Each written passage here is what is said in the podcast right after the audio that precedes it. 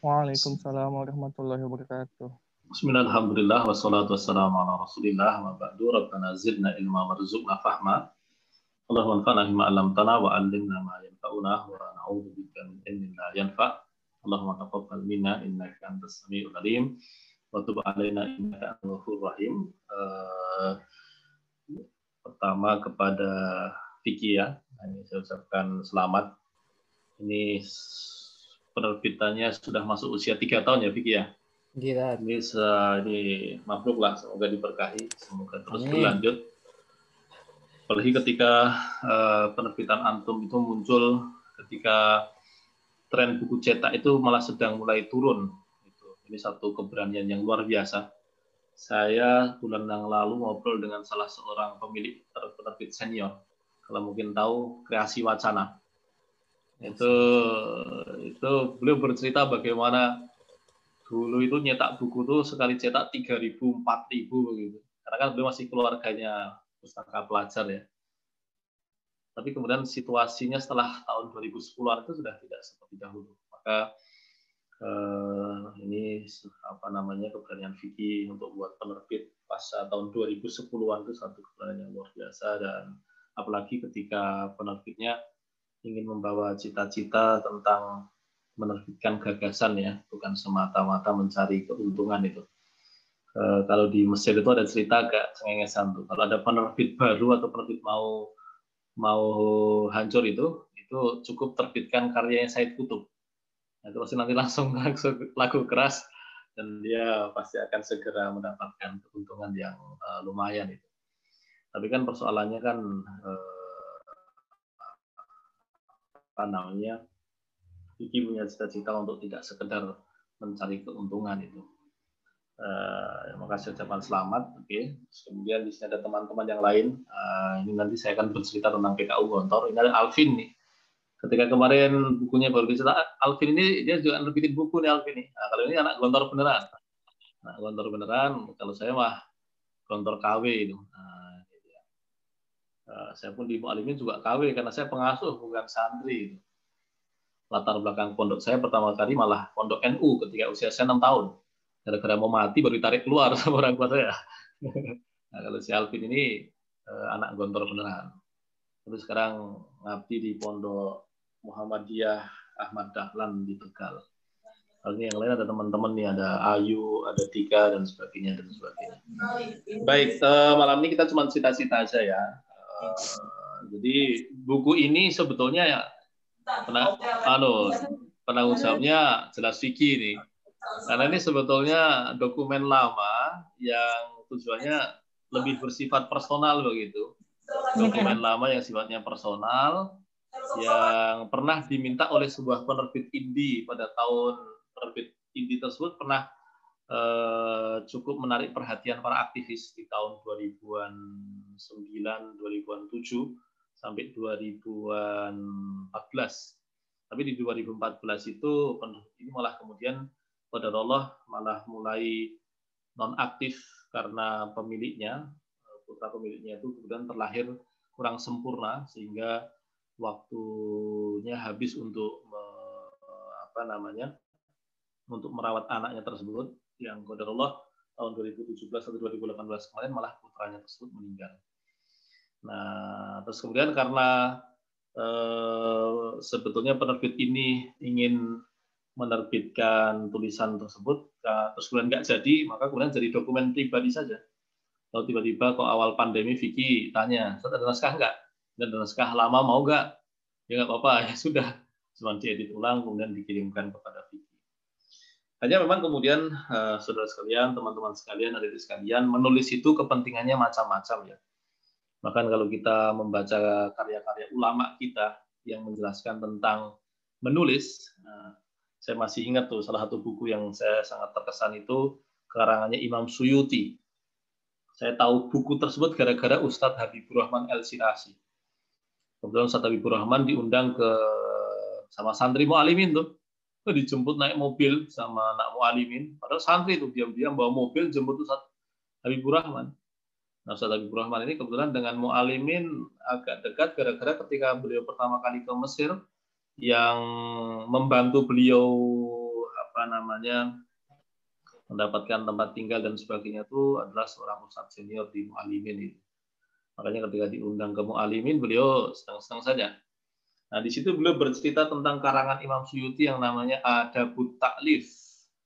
Adabut Taklif. Nah, nanti yang bisa bahasa Arab kayak Alvin tinggal unduh saja cari aja kitabnya PDF-nya pasti ada. Adabut Taklif. Adab menulis. Jadi dalam tradisi kita ada adab mencari ilmu, adab e, mengajarkan ilmu, ada juga adab menulis. Nah, ketika membahas tentang adab menulis tersebut, nah ini Imam Suyuti bercerita bahwa beliau itu mulai menulis umur 9 tahun. Jadi kalau barusan kita temukan ada ada anak umur 12 tahun syarat kelulusannya menulis, nah itu ternyata ulama kita ada yang lebih parah yaitu umur 9 tahun. Dan Imam Suyuti ini cukup parah karena beliau termasuk ulama ensiklopedis yang karya-karyanya menjadi babon dalam bidangnya. Misalkan kalau kita bicara eh, buku yang menghimpun kawaid fikhiyah, kita akan bertemu dengan Asbah wan Naudoirnya beliau. Kalau orang mau belajar ulumul Quran, kita akan ketemu dengan itkonnya beliau dan beberapa karya lain. Nah, beliau menyebutkan di antara eh, motif-motif menulis itu bermacam-macam motif-motif menulis itu bermacam-macam itu. Uh, adapun motif saya di luar di itu semua. Karena kalau ulama itu motifnya tentu besar, sangat besar ya. Bisa menguraikan sebuah persoalan, bisa meringkas penjelasan-penjelasan yang tadinya panjang lebar diringkas menjadi syair-syair pendek tetapi menghimpun topik. Ya, misalkan kita tahu ya, ada kitab namanya Alfiyah cuman syair tapi itu babonnya eh, nahu babonnya nahu kan. Meskipun alfiah juga macam-macam ada juga alfiah dalam hadis dan sebagainya. Nah ada juga yang orang menulis ulama menulis itu untuk sebaliknya mensarah mensarah karya-karya yang terlalu ringkas Nah, ya kan misalkan salah satu kitab fikih madhab syafi'i terbaik adalah yang ringkas itu adalah matan ghayah wa takrib suaranya banyaknya minta ampun. Di Nusantara ini yang dipakai puluhan judul itu. Nah, itu dia ya. Nah, adapun kalau buku ini simpel aja karena merekam ini saja, merekam perjalanan. Merekam perjalanan. Nah, kenapa perjalanannya perlu direkam? Jadi ceritanya itu eh, simpel dan lucu saja. Jadi saat itu yang namanya PKU nanti akan saya jelaskan itu eh, di antara apa materi penting yang diterima di awal-awal itu adalah menulis paragraf. Jadi orang sudah pada S1 itu masih diajari menulis paragraf. Tapi asiknya itu dia, menulis paragraf itu standar ilmiah. Oke, standar ilmiah. Dan secara khusus standar ilmiahnya ini menurut Ustadz Hamid. Nah, kalau kakak-kakak kami di PKU Angkatan 1, 2, 3 menulis paragraf itu yang mengajari langsung Ustadz Hamid Fahmi. Nah, tapi kalau saya sudah dapatnya eh, senior, namanya kalau tahu Ustadz Makmun Afani. Ustadz Makmun Afani ini sebetulnya kalau secara publik orang tahunya penulis novel. Tapi kalau di PKU Gontor itu ditugasi Ustadz Hamid untuk mengajar menulis makalah ilmiah. Jadi lucu ya, jadi keluarnya nulis novel, salah satu novel beliau yang dikenal itu adalah kehormatan di balik kerudung yang kemudian difilmkan itu. Nah, tapi kalau di PKU beliau mengajar nulis ilmiah. Beliau nulis tesis itu di Istiwa Gontor itu marahi pening itu, yaitu perbandingan antara Imam Ghazali dan René Descartes dalam bahasa Inggris tesis beliau. Ya, karena memang kalau dalam tradisi yang Gontor sejak skripsi kalau nggak Arab Inggris ya, nah, beliau dalam bahasa Inggris. Tapi kalau di luar nulis novel, di dalam ngajari nulis paragraf. Nah, yang namanya belajar paragraf itu dimulai dari membuat topik sentence, satu kalimat pembuka yang baik. Jadi orang sudah selesai S1 itu diajari kembali nulis kalimat yang baik. Nah, baru nanti kemudian kalau sudah bisa nulis kalimat pembuka yang baik, menulis paragraf yang baik. Nah, setelah bisa nulis paragraf yang baik, dikasih catatan kaki, mencoba memasang catatan kaki yang baik. Nah, dari satu paragraf yang baik tersebut dengan catatan kaki yang baik tersebut naik ke tiga paragraf. dari tiga paragraf baru berlanjut ke taraf selanjutnya. Nah, dan itu membutuhkan waktu lama. Nah, gara-gara itu maka kemudian eh, se, untuk melatih eh, keluasan membuat paragraf yang ilmiah, hanya kemudian Ustaz Ham itu punya standar lagi itu apa? Tulisan yang bagus itu bukan hanya sekedar ilmiah, tapi enak dibaca. Nah, itu salah satu yang membuat kita kalau membaca tulisan Ustaz Ham itu kan terasa ya. Bahkan paper beliau itu nyenengin. Bahkan paper beliau dalam bahasa Inggris itu nyenengin. Karena apa? Meskipun ilmiah tapi enak dibaca. Jadi ilmiah tapi enak dibaca. Nah itu maka perlu latihan itu, perlu latihan. Bahkan kami ada punya senior sekarang baru S3 di IUM itu, itu menulis itu dimulai dengan mendeskripsikan tembok coba. ada senior itu namanya, waduh saat siapa lupa saya. Dan beliau itu kalau ngomong jelas nggak jelas, karena beliau orangnya nggak mau serius kalau ngomong itu, tapi kalau nulis, masya Allah, bagus itu. Itu dari mendeskripsikan tembok Nah, itu dia. Nah, maka kemudian perlu berlatih. Nah, salah satu media berlatih yang menyenangkan saat itu adalah menggunakan menggunakan ini, menggunakan tembok Facebook itu. Nah, daripada tembok pondok saya coret-coret kan mending tembok Facebook kan saya tulisi kan. Nah, ya udah nulis aja di situ. Nah, menulisnya ketika belum dapat materi tersebut awalnya memang hanya sekedar menuliskan pengalaman-pengalaman di sana. Apalagi pengalaman di sana itu ketika hari pertama mahripan di PKU di PKU di Gontor itu di Unida Gontor itu itu lumayan ekstrim. Nah, itu saya tulis saya cantumkan di tulisan pertama. Baru Mas baru bermalam di Gontor pertama kali di di unidanya ya di universitasnya di institutnya itu itu mahripan pertama itu setelah selesai salam tasbih belum selesai Ustadz Amal Fatullah Zarkasi rektor kami saat itu yang sekarang barusan naik menjadi pimpinan yang tiga di Gontor itu itu mengatakan bahwa ada beberapa mahasiswa yang tinggal wisuda itu diusir keluar dari pondok. Di DO dari pondok.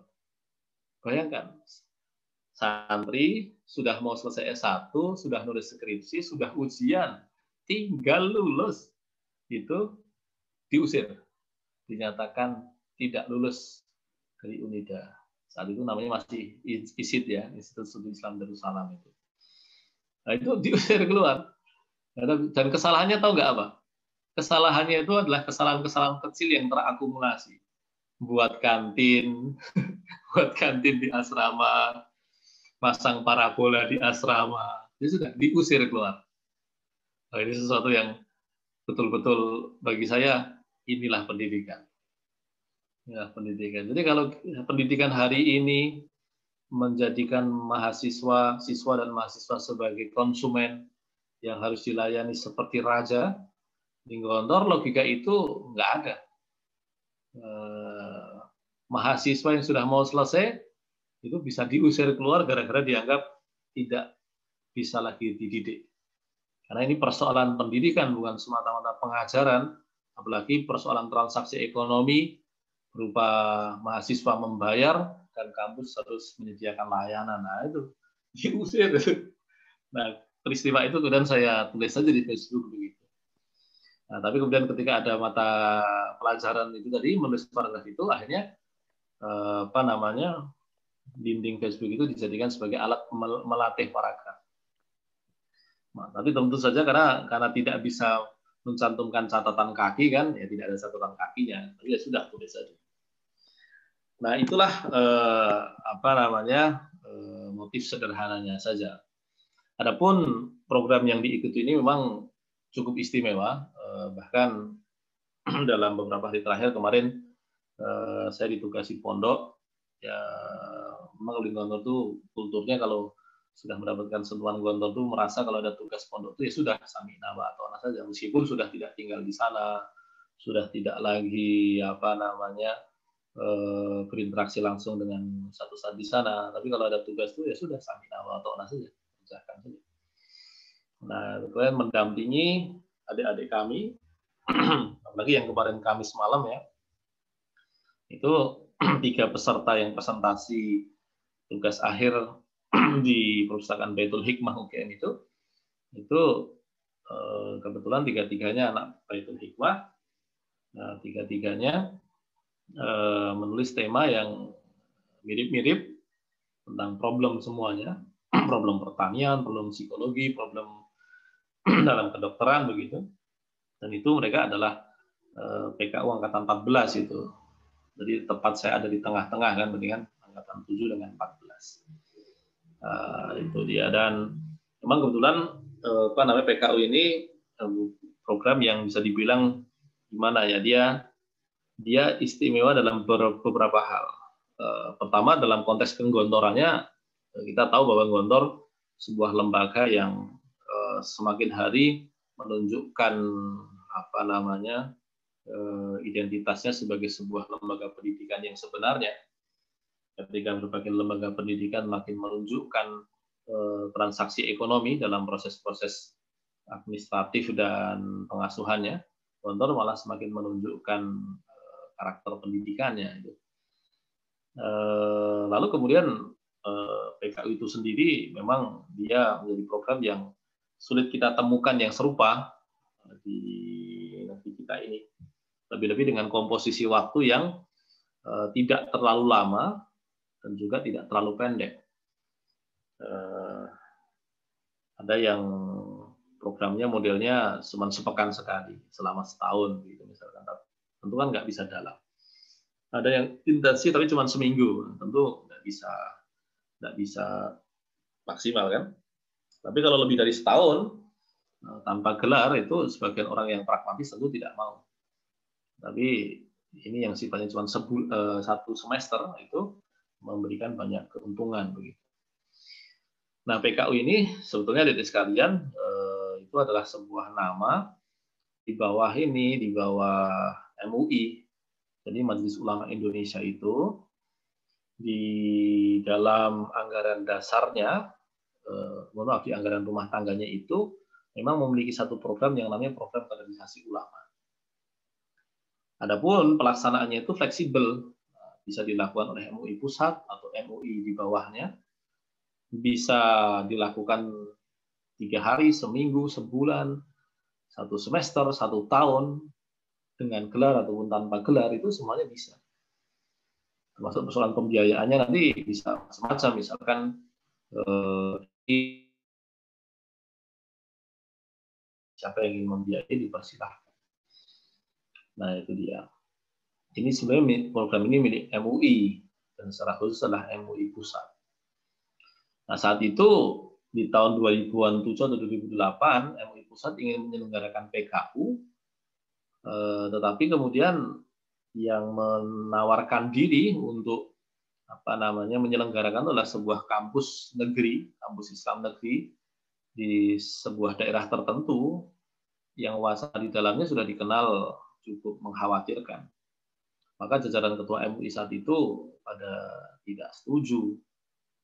Lalu kemudian kiai kami, semoga Allah berikan uh, pahalanya, balasan sebaik-baiknya, yang kemarin barusan meninggal, Kiai Abdullah Syukri Zarkasi, kakaknya Profesor Amal, kakaknya Ustaz Hamid, kakaknya uh, apa namanya Ustaz Ahmad Hidayatullah ya, itu beliau berani menawarkan menawarkan bahwa Gontor siap menyelenggarakan PKU tersebut. Saat itu jajaran pimpinan ragu berkaitan dengan pembiayaan eh, dan beberapa hal yang lain. Sampai kemudian Kiai Sukri berani pasang badan dan mengatakan, kalau MUI tidak punya biaya, kami akan tanggung semuanya. Makanya di sini kita akan temukan bahwa lembaga ini bukan lembaga lembaga apa namanya, bukan lembaga yang dalam kasusnya seperti sekarang peserta datang membayar kemudian mendapatkan jasa dari lembaga tersebut kemudian pulang mendapatkan manfaat tidak seperti itu sebaliknya eh, PKU ini punya sejarah ketika Kiai Sukri memasang badannya untuk menjamin satu proses pendidikan yang bertujuan serius dan lebih dari itu membiayai eh, pendidikan yang ada di dalamnya dari santri datang sampai pulang itu luar biasa sekali. Adapun yang menyelenggarakan secara teknis bukan Kiai Sukri langsung, tapi Ustadz Hamid. Ustadz Hamid pulang dari Istek tahun 2005 dan menguji disertasinya yang Al-Ghazali's Concept of Causality itu tahun 2006 dan saat itu Ustadz Hamid mendirikan sebuah lembaga kajian Islam dan eh, kebaratan ya eh, apa namanya oksidentalisme yang kita kenal sebagai CIOS itu di sebelah barat Masjid Isid, Masjid Unida. Nah, dari lembaga pengkajian dengan adanya PKU ini, fungsi CIOS bergerak lebih jauh menjadi lembaga pengkaderan.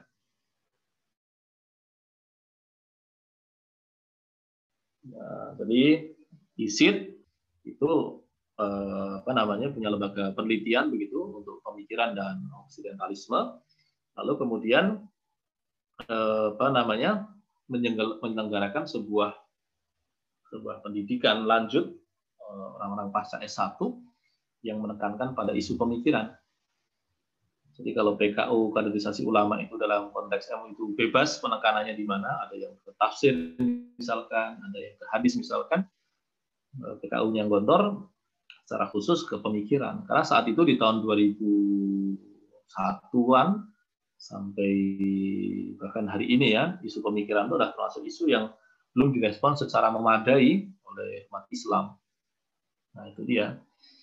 Nah, terus kemudian uh, Ustaz Hamid mengawal langsung itu. Bahkan kalau dengar-dengar ceritanya dari generasi awal itu, Ustaz Hamid itu bukan hanya sekedar menemani diskusi, bahkan menemani ngopi, bahkan beberapa santri-santri senior itu yang merokok itu juga ditemani itu diskusi sambil merokok. Itu luar biasa sekali.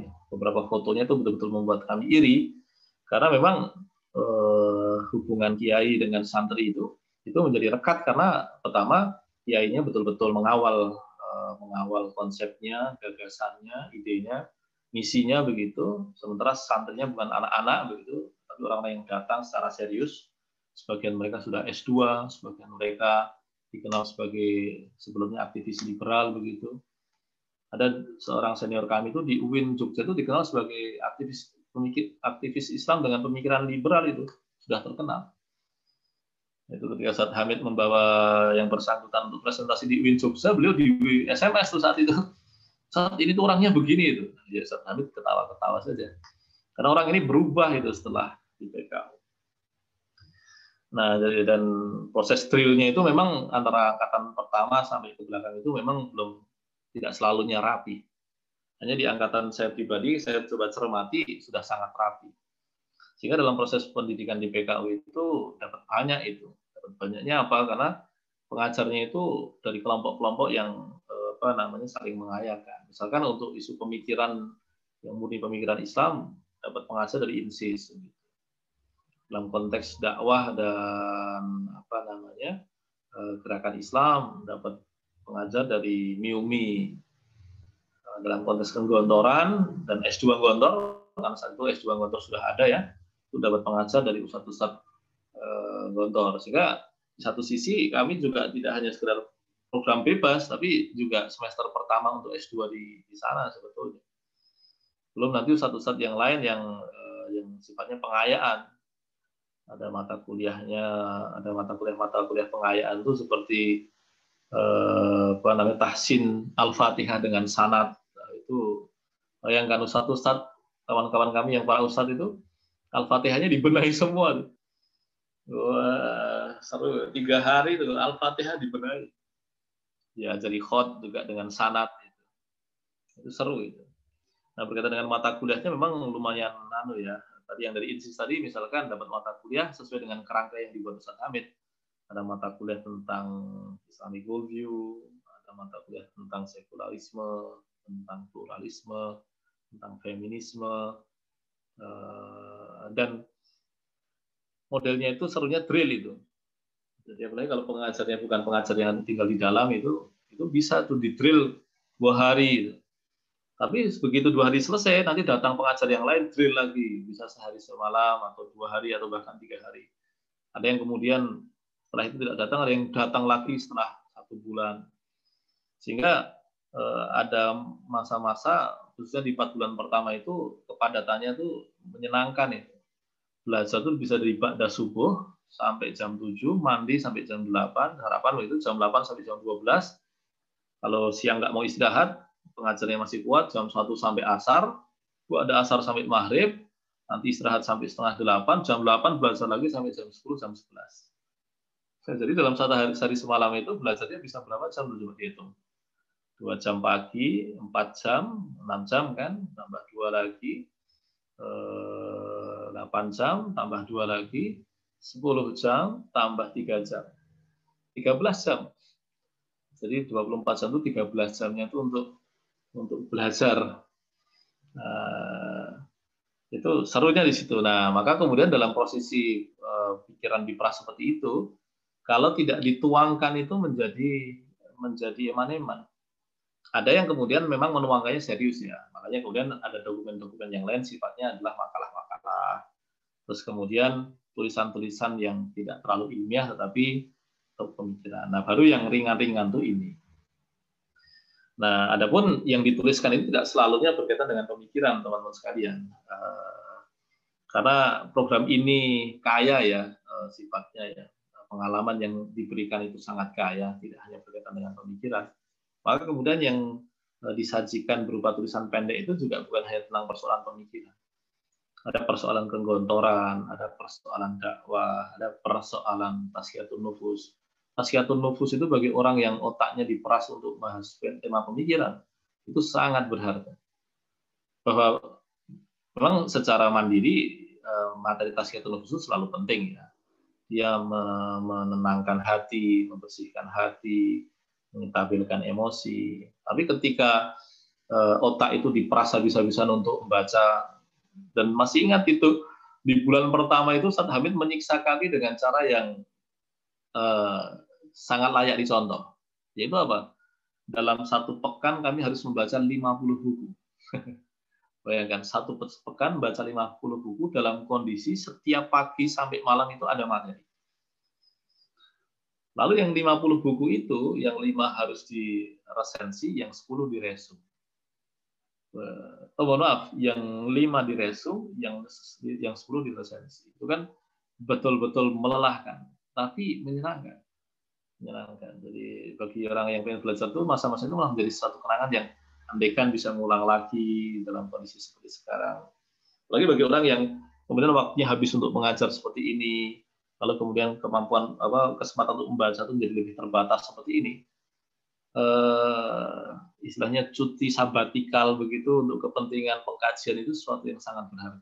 Makanya di angkatan 14 ini ada kawan kita, anak kami ya, kalau tahu ya Jilul itu ya, Jibril kan anak PP kami ya. Itu ketika pertama kali berangkat ke PKU, dia menyebutnya ya cuti sabatikal itu. Karena memang waktunya untuk merefresh pikiran, tapi dengan sesuatu yang berbobot begitu. Nah, jadi itu ada yang berkaitan dengan pemikiran, ada yang berkaitan dengan kepondokan, ada yang berkaitan dengan tasyiatun nufus, ada yang berkaitan dengan eh, apa namanya hasil bacaan, ada hasil diskusi, ada hasil nonton TV tiap pagi itu kan ya, sarapannya itu kan eh, anu ada dapur khusus di situ ada TV-nya eh, kita ambil makan nah, sambil ngobrol atau nonton TV itu. Ya tentu kalau sarapan jam tujuh setengah delapan saat itu kan eh, acaranya kan pasti berita kan. Metro TV dan Metro TV atau TV One nah itu. Itu kemudian menjadi bahan-bahan eh, apa namanya jadi bahan perbincangan lah ya. Nah maka kemudian disajikan nah kerangkanya eh, untuk buku ini memang kalau ditinjau dari tema-temanya dia memang tidak rapi ya. Eh, mungkin sistematikanya yang paling kentara hanya di bagian permukaannya. Misalkan ada pendahuluan, kemudian isinya itu adalah kumpulan eh, apa namanya kumpulan status Facebook itu totalnya 100 ya sekitar seratusan lah itu untuk waktu tiga bulan 100 itu sebenarnya menunjukkan kurang anu masih kurang produktif. Karena Eh, tiga enam lima sampai enam bulan itu kan berarti kan sekitar eh, berapa? 30 hari kali enam kan 180 hari ya. Itu berarti kan menunjukkan kalau di rata-rata kan hanya dua hari sekali menulis. Nah itu dia. Eh, kalau bisa mencapai angka 130 itu sudah itu menunjukkan eh, sudah sudah sudah cukup telaten itu kalau hanya sekitar 50 persen atau dua hari sekali menulis itu eh, sebetulnya tidak cukup produktif. Meskipun faktanya memang sembari menulis yang lainnya juga.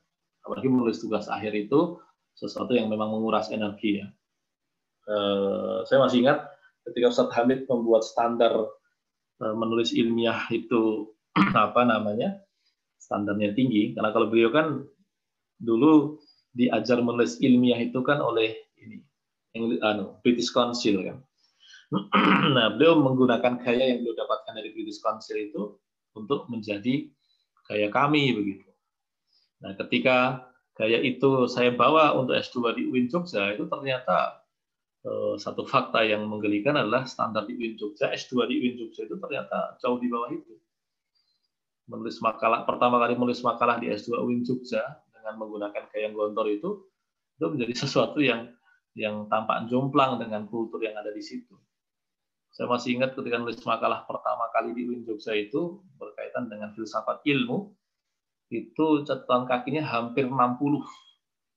Nah, rujukannya hampir 30 buku itu untuk makalah setebal 10 halaman. Ya, gaya gondor kan, gayanya PKU gondor. Nah, tapi ternyata di sana ternyata standarnya rujukan hanya sekitar sepuluhan rujukan eh, dengan catatan kaki hanya sekitar 20-an saja itu kan tentu kan sesuatu yang jomplang kan sebetulnya. Nah itu dia. Jadi di eh, kerangkanya tadi ada pembukaan, kemudian isi, kemudian di bagian penutup. Yang di bagian pembukaan dan penutup itu lebih bersifat cerita saja. Cerita tentang program ini sebelum berangkat, kemudian di dalamnya, kemudian setelah pulang begitu. Nah, berkaitan dengan isinya itu eh, yang berkaitan dengan mungkin yang lebih uh, mengandung banyak unsur memori itu ketika berkaitan dengan guru-guru tertentu ya. Misalkan saya masih ingat salah satu yang uh, apa namanya uh, yang menjadi kebiasaan kami ketika di sana itu anu, sowan ke tempat Ustadz Hamid. Nah, memang Ustadz Hamid kalau bagi anak-anak S1 itu tampak sangat ini sangat serius dan tidak mudah mengontak beliau. Tapi bagi anak-anak PKU yang latar belakangnya bukan gontor, latar belakangnya aktivis begitu, eh, mengontak beliau, suan ke rumah beliau itu sangat mudah itu, sangat mudah. Lebih-lebih ketika kamar kami dengan rumah beliau kan hanya berbeda beberapa puluh meter aja. Karena memang kalau di sana banyak pengajar itu tinggal di dalam gitu. Bahkan kakak beliau, rektor sebelum beliau kan, kalau beliau kan sekarang jadi rektor ya barusan seminggu terakhir ini belum diangkat menjadi rektor. Dan saya pribadi juga sudah curiga lama bahwa ini akan terjadi begitu. Nah, belakangan setelah pulang dari PKU, saya menulis tesis di UIN Jogja tentang eh, penjelasan Islamic worldview beliau eh, berikut implementasinya dalam lembaga-lembaga yang ada di dalam UNIDA tersebut. Nah, itu kembali tadi mencari Ustadz itu sesuatu yang mudah, meskipun beliau sangat sibuk sebetulnya. Misalkan tadi pagi kita ketemu, sore ternyata beliau sudah sampai bandara dan mau berangkat ke Turki. Besoknya bulan kemudian beliau sudah apa namanya pada subuh ketemu ternyata siang beliau sudah ke Jakarta itu seperti itu. Tapi ketika ketika sowan ke beliau, apalagi bagi yang kami latar belakangnya bukan santri gontor, latar belakangnya aktivis begitu, eh, ngobrol dengan beliau bisa lama itu. Bisa dari Ba'da Isa sampai jam 9 malam, 10 malam. Dan bisa membincangkan banyak hal itu tentang pemikir ini, tentang pemikir ini, uh, itu apa namanya betul-betul dan yang namanya belajar ilmu dalam banyak hal itu sering kali lebih efektif begitu dibandingkan di kelas. Di kelas itu memang kemudian kami bersyukur bahwa di kelas itu mendapatkan materi-materi berbobot jelas ya. Apalagi dari Ustadz-Ustadz Insi, Ustadz-Ustadz Miyumi itu memang sangat. Tapi proses diskusi di ruang di teras rumah beliau kadang pada subuh ya sampai waktu duha jam 7 jam 8 atau malam begitu itu menjadi kesempatan yang eh, tidak hanya sekedar mendapatkan sesuatu yang sifatnya kognitif tapi juga ada proses emosional di situ ada proses mental di situ ada kedekatan di situ ada persahabatan di situ dan itu sangat mahal ya eh, apa namanya momen seperti itu mungkin kalau di kalau guru kami saat kami di Madinah beliau mendapatkan para masih yang eh, apa namanya yang bersikap seperti itu cukup banyak. Atau mungkin sebagian kawan-kawan yang di sempat belajar ke barat begitu beberapa dosen bersikap begitu. Tapi kalau di Indonesia kan jarang kita mendapatkan pengajar yang bisa bersikap seperti itu kepada mahasiswa kan. Ya, memang kalau Gontor memang uh, sangat memungkinkan untuk itu karena relasinya kiai dengan santri itu masih sangat lekat dan beberapa kiai memang dudukkan santrinya lebih dekat dibandingkan lainnya. Tapi yang pasti itu keuntungan itu bagi perkembangan intelektual kita, perkembangan emosi kita. Di situ kita belajar tentang bagaimana membangun argumen, belajar membangun eh, apa namanya, eh, tentang cara menyikapi sesuatu. Nah, lalu kemudian pengalaman itu yang kemudian secara fragmen-fragmen begitu disajikan di dalam tulisan ini. Eh, masih ingat apalagi Eh, bagi saya pribadi, ketika saya lulus aliyah, saya membaca Profesor Alatas. Ada banyak bagian dari gagasan beliau yang rumit. Itu ketika ada di situ bisa dengan mudah mengkonfirmasi. Misalkan eh, saya masih ingat tuh pagi-pagi tuh datang ke rumah beliau dan cerita saya tulis di sini tuh saat jadi ada ada anak muda nih saat yang yang saya maksud saya itu Ismail Fadzi Alatas. Ismail Fadzi Alatas ini sekarang jadi suaminya Sarah anu Samara Amani Alatas. Ismail Fadzi Alatas kan sekarang ngajar di Amerika ya di Ann Arbor itu. Saat itu dia baru selesai S2. Ya, meskipun tampilannya habae begitu kan, tapi dia membicara tentang filsafat pencerahan begitu. YouTube-nya Anda bisa cek itu.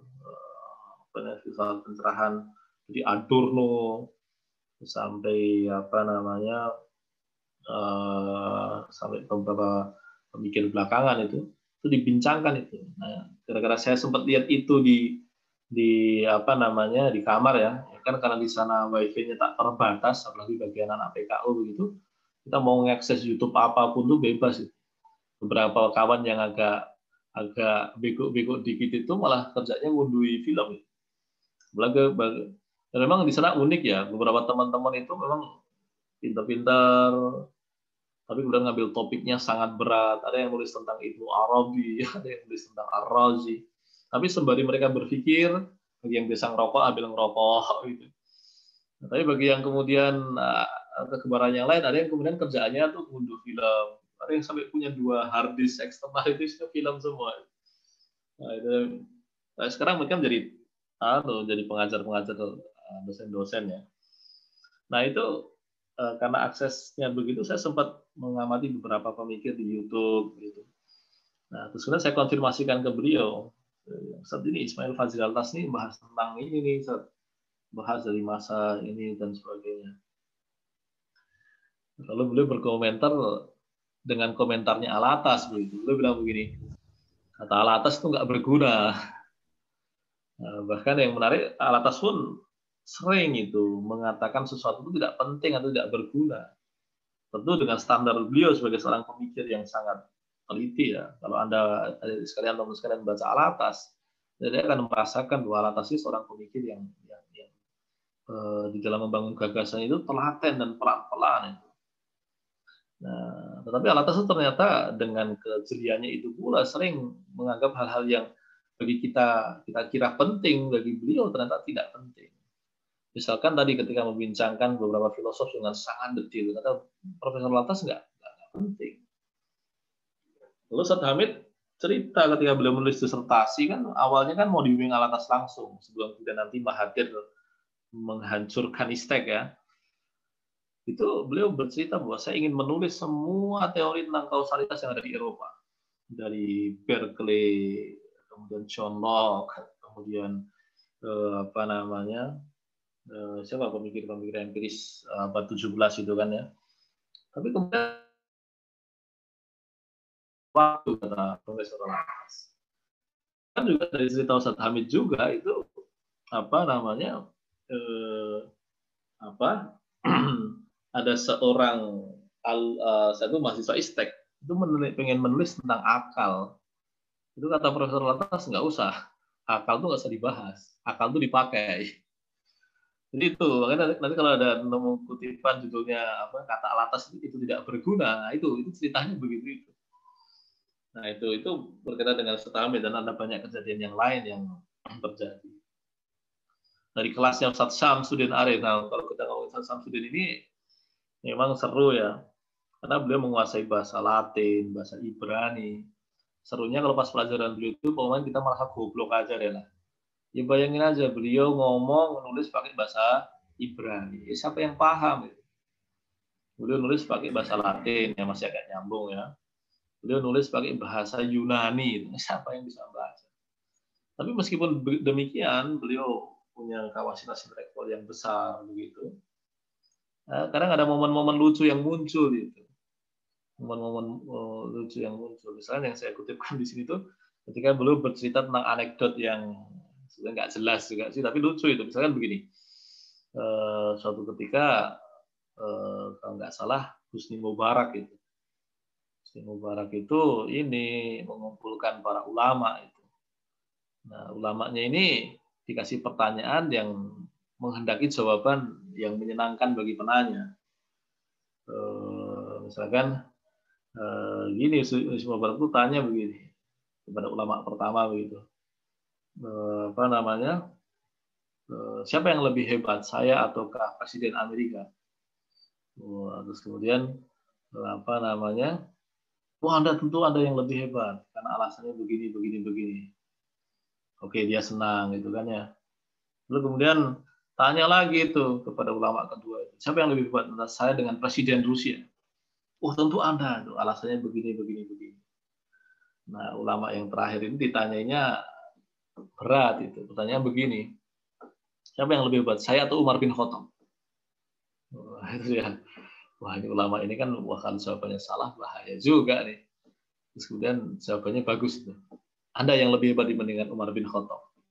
Buktinya apa? Umar bin Khattab takut pada Allah kalau Anda tidak takut pada Allah. Kita yang baru mikir serius-serius itu di kelas tuh dengerin beliau cerita kayak gitu ngakak aja. Oh iya juga ya. Tapi dengan tentu dengan tawa yang e, menjadi bahan refleksi begitu. Nah itulah keuntungan di antara kita berinteraksi dengan guru-guru ya. Ada juga kemudian yang berkaitan dengan buku yang dibaca. Ada buku tentang Abrahamic faith misalkan. E, tentang Wahdatul Adyan nah, tapi yang pasti ini bukan buku serius, ini buku hore saja, tapi kalau Anda membaca, ya ada gunanya ya, ada gunanya. Ada gunanya khususnya untuk menginventarisasi isu-isu yang berkembang dalam berbagai pemikiran liberal. Kebanyakan aktivis kan tahu isu liberal itu kan lebih ke permukaan saja ya, anti sekularisme, anti pluralisme, anti feminisme. Eh, tentu padahal isunya kan tidak sesederhana itu. Nah, buku ini tentu tidak sedang ingin mengantarkan teman-teman untuk untuk untuk masuk ke dalam bahasan itu secara sangat mendalam, apalagi, dari perspektif studi Islam untuk teman-teman yang tidak punya latar studi Islam itu kan terlalu berat. Tapi kutipan-kutipan pendek-pendek yang sifatnya eh, ininya ya macam punchline gitu ya, jadi satu satu apa namanya diakhiri dengan kalimat-kalimat menuki itu itu dimunculkan karena memang itu kesan yang kita dapatkan ketika berinteraksi dengan guru-guru, dengan buku-buku, dengan diskusi, dalam diskusi-diskusi yang terjadi. Nah, itu sih sebetulnya ya teman sekalian. Selain itu juga kemudian bagaimana kita bersahabat ya di motor itu kan dia punya punya apa namanya punya jargon berdiri dan di atas semua berdiri dan berdiri berdiri di atas dan untuk semua golongan. Nah, ketika PKU itu kan teman-teman yang hadir kan latar belakangnya macam-macam. Ada yang Muhammadiyah, ada yang NU, ada yang Tarbiyah, ada yang HTI kayaknya baru muncul belakangan ya. Ada yang Persis, wah asik lah. Nah, itu ketika awal-awalnya masih tegang gitu kan, masih apa namanya, masih sungkan-sungkan, dia teman-temannya masih pada soli-soli gitu. Ya kan setelah hidup bareng di kamar bareng, apa namanya, gelundang-gelundung bareng, mulai tahu aibnya, aib dalam artian positif ya dalam artian, oh ini kayak gini anaknya itu. Itu jadi bisa ecek-ecekan dengan seru itu. Nah menceritakan secara ya, hal seperti itu kita ceritakan secara sekilas saja sih. Bahwa senang itu kita bisa berteman dengan teman-teman seperti itu. Misalkan yang dari NU gitu kan kita ngomongin NU itu bisa piye NU gitu misalkan. Atau Arbia gitu misalkan gimana nih pemikirannya ini nih uh, terus kemudian ketemu dengan Persis misalkan itu menyenangkan Nah, uh, akhirnya dari sekalian mungkin itu ya sebagai pengantar bahwa buku ini sebuah buku yang hore saja, buku hore, tapi saya berharap dan memang dibuat agar bermanfaat begitu. Saya harap ini bermanfaat dan betul-betul dibuat agar bermanfaat yang berangkat dari peristiwa tidak sengaja saja, ada dokumen pribadi tersaji secara publik yang kemudian oleh Vicky uh, apa namanya ditawar di, dia tawarkan untuk diterbitkan begitu. Dan kalau teman-teman baca insya Allah ada ada banyak guna yang sifatnya ada dimensi intelektualnya ada unsur-unsur emosionalnya ada unsur yang sifatnya lebih ke ruhiah sedikit gitu kan. Karena memang penekanan di sana tidak terlalu banyak gitu memang perbincangan tentang isu ruhiah tidak terlalu banyak ya saat itu ya. Tapi secara personal teman-teman juga membaca. Dan pola aktivitasnya sebenarnya sudah menopang hal itu. Eh, posisi asrama di samping masjid, bolak-balik masjidnya, dan Quran dan sebagainya, itu sangat membantu. Mungkin itu saja eh, sekalian sekedar bercerita, sekedar berbagi cerita, khususnya dari yang tua kepada yang muda, dari yang lebih senior kepada adik-adik yang usianya rata-rata 20, paling tua di sini paling berapa ya? 25 ya. Ya mungkin anu tersisipi satu dua peserta yang usianya tua lah. Saya nggak tahu siapa. Oke, okay, itu saja. Uh, saya kembalikan ke Aziz. Uh, apa namanya? Uh, Assalamualaikum warahmatullahi wabarakatuh. Waalaikumsalam warahmatullahi wabarakatuh. Uh, kita buka masih banyak uh, tanya jawab saja dahulu mengenai buku uh, Ustadz Anton. Ada yang mau bertanya secara langsung? atau mau ditulis juga boleh gitu ya. Oh ya, ada satu orang ya. Uh, saya persilahkan saja langsung.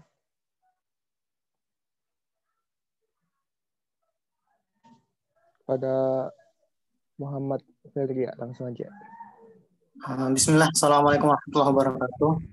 Waalaikumsalam warahmatullahi wabarakatuh. Uh, saya Ferdi. Uh, Alhamdulillah, uh, kali bisa apa namanya uh, menimba mulai saya kemarin ikut uh, darat juga satu apa namanya uh, dengan bahas kita ada bulan malam uh, di lingkungan ini saya langsung bertanya ya saat nah, nah, santai aja santai aja. Silakan saya kan uh, teman-teman saya itu cukup cukup apa namanya senang untuk bahas filsafat saat um, terus ya apa namanya uh, sebenarnya saya pengen tahu saat uh, ini cuman apa namanya biar saya tidak terlalu banyak belajar yang tidak terlalu penting itu kalau dalam pandangan uh, jenengan atau mungkin dalam pandangan Profalatas itu hal-hal yang sebenarnya tidak terlalu penting untuk dipelajari itu uh, apa saja saat biar saya bisa fokus ke apa saja yang uh, sekiranya saya mampu dan itu tidak membuang-buang waktu saya seperti itu.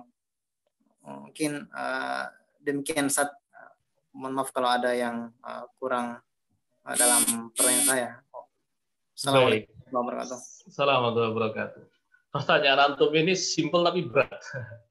Pertama begini, sejujurnya beberapa teman juga bertanya standar Profesor Alas mengatakan berguna dan tidak berguna itu bagaimana? Saya pun juga sampai sekarang masih belum belum betul-betul memahami standar Profesor Alatas mengatakan berguna atau tidak berguna itu apa pun saya tidak betul-betul menangkap ya.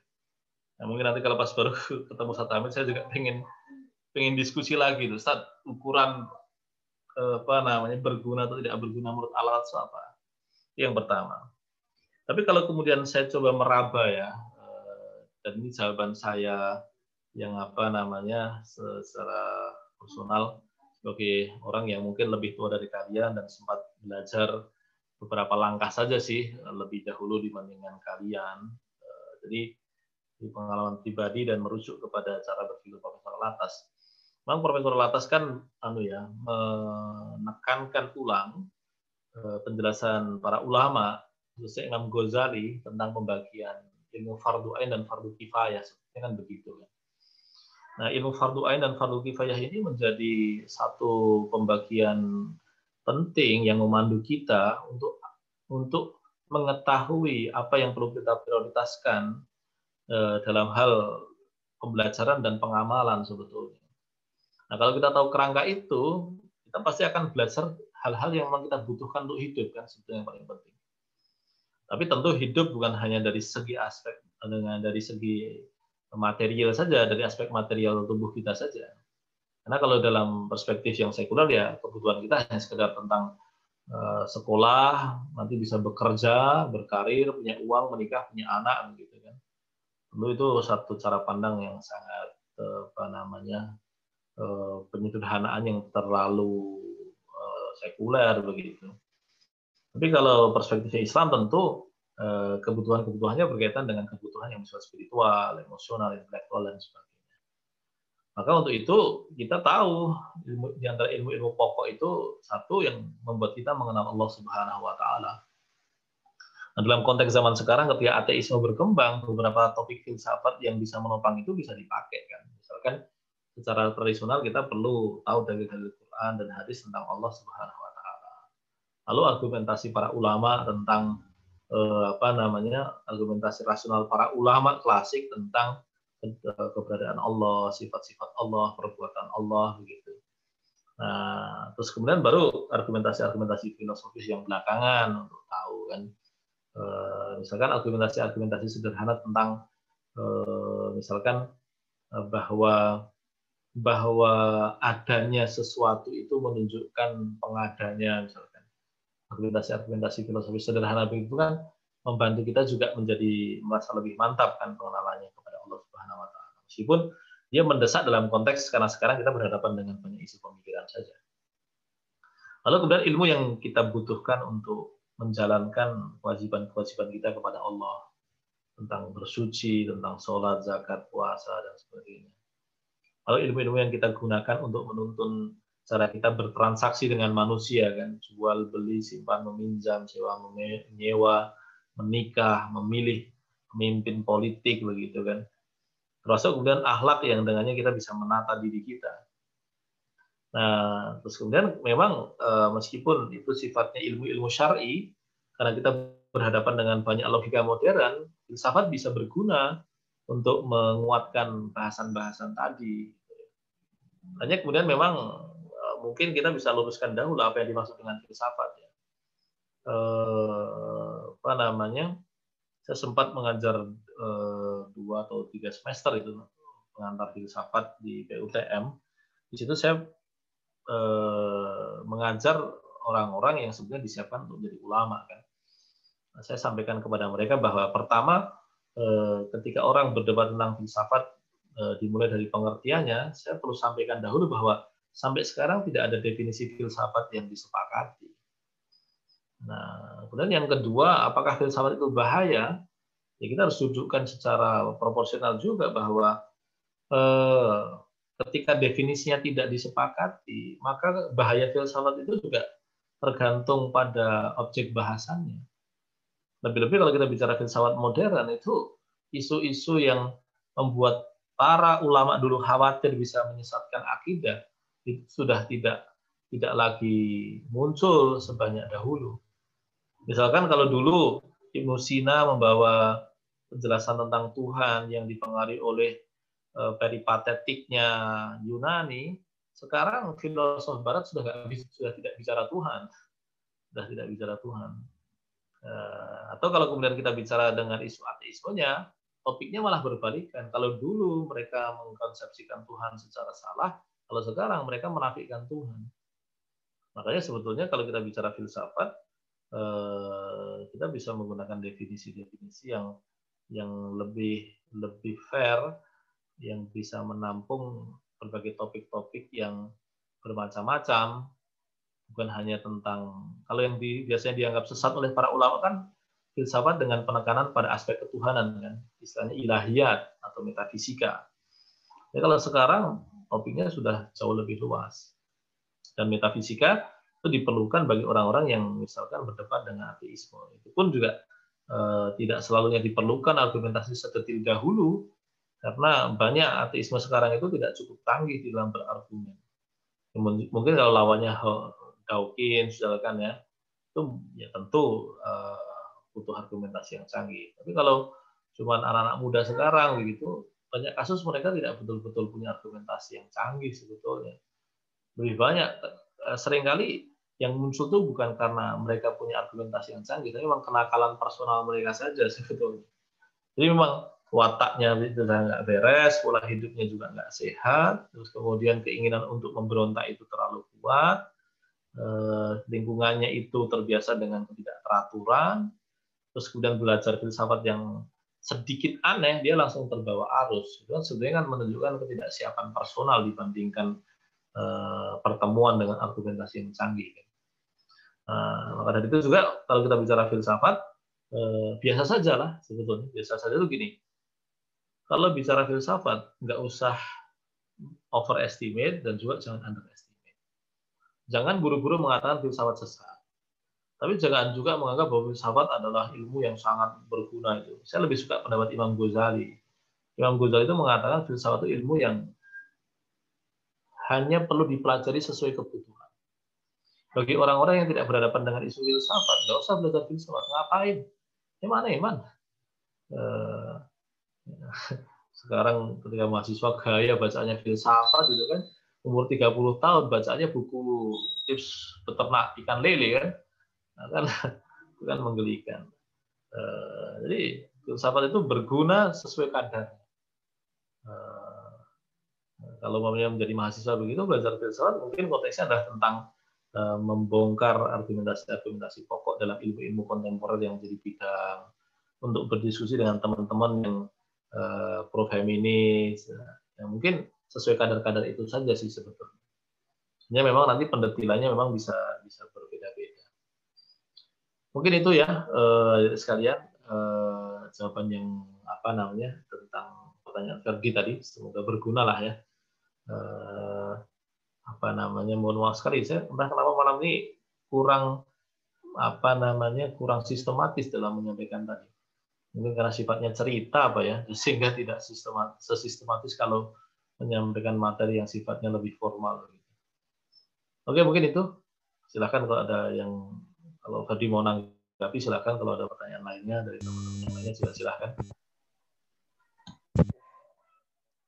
Eh, gimana dari Ah Muhammad Ferdi mau menambahkan? Eh, atau mau menanggapi?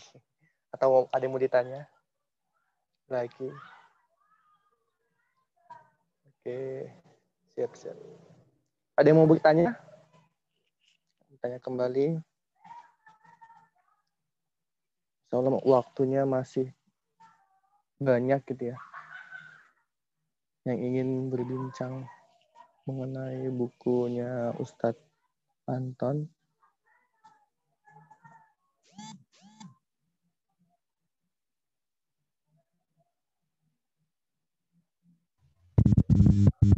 Anu ya lebih enak ngobrol ya, jadi teman-teman ada ide apa, ada kesukaan apa begitu.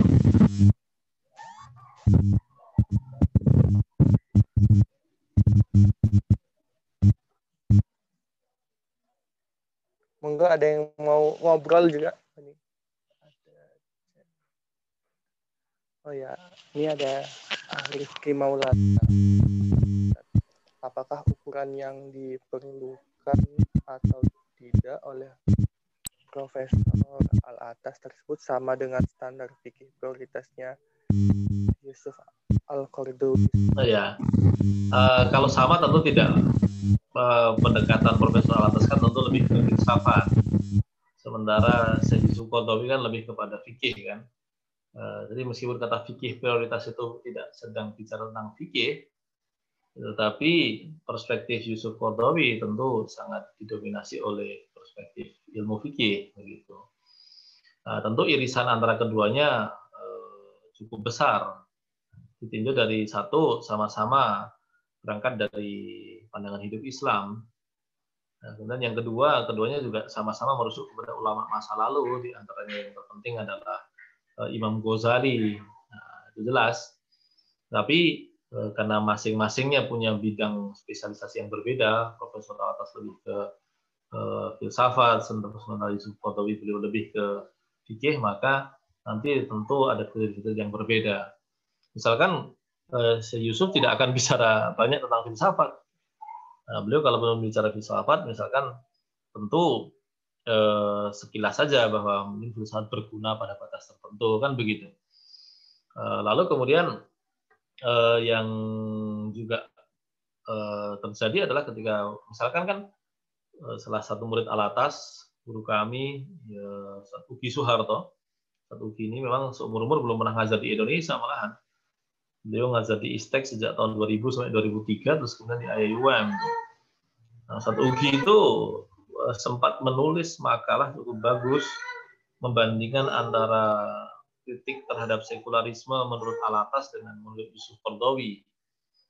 Eh, satu Uki ini beliau muridnya Alatas tapi karena bidangnya ekonomi syariah mau tidak mau banyak juga mengapresiasi pemikiran Kordowi. Di situ kita temukan bahwa Yusuf Kordowi tidak bisa mengkritik sekularisme secara filosofis.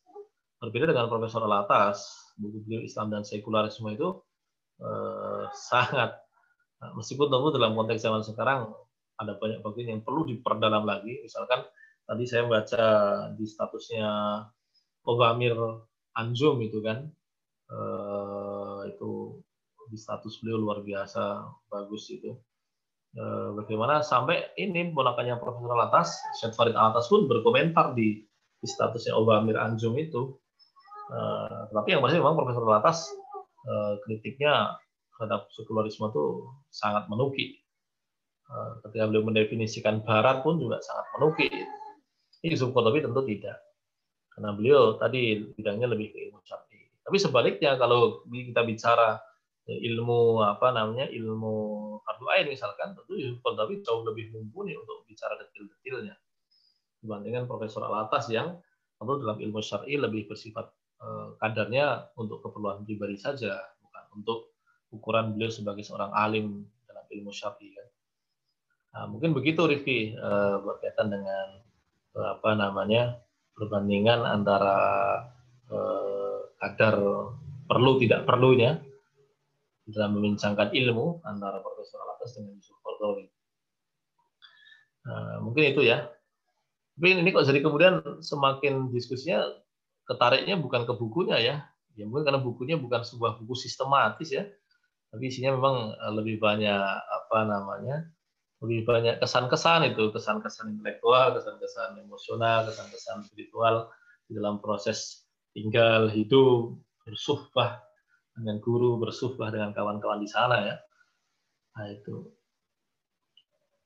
Oke itu mungkin ada lagi yang mau berbincang ya. Lebih enak kalau ada suara itu karena lebih lebih sifatnya bisa berbincang.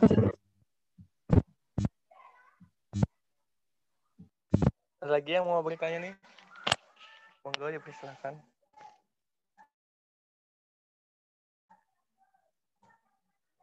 Atau bercerita juga nggak apa-apa. Langsung voice-nya diaktifkan saja.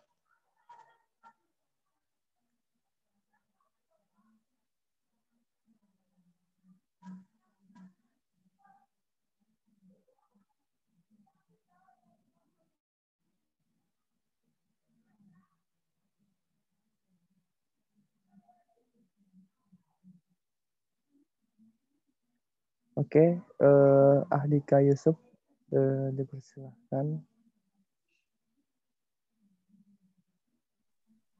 Ya, Assalamualaikum Ustaz. Salam, oke okay, Dika. Gimana Dik? Ini kayaknya anu uh, cerita.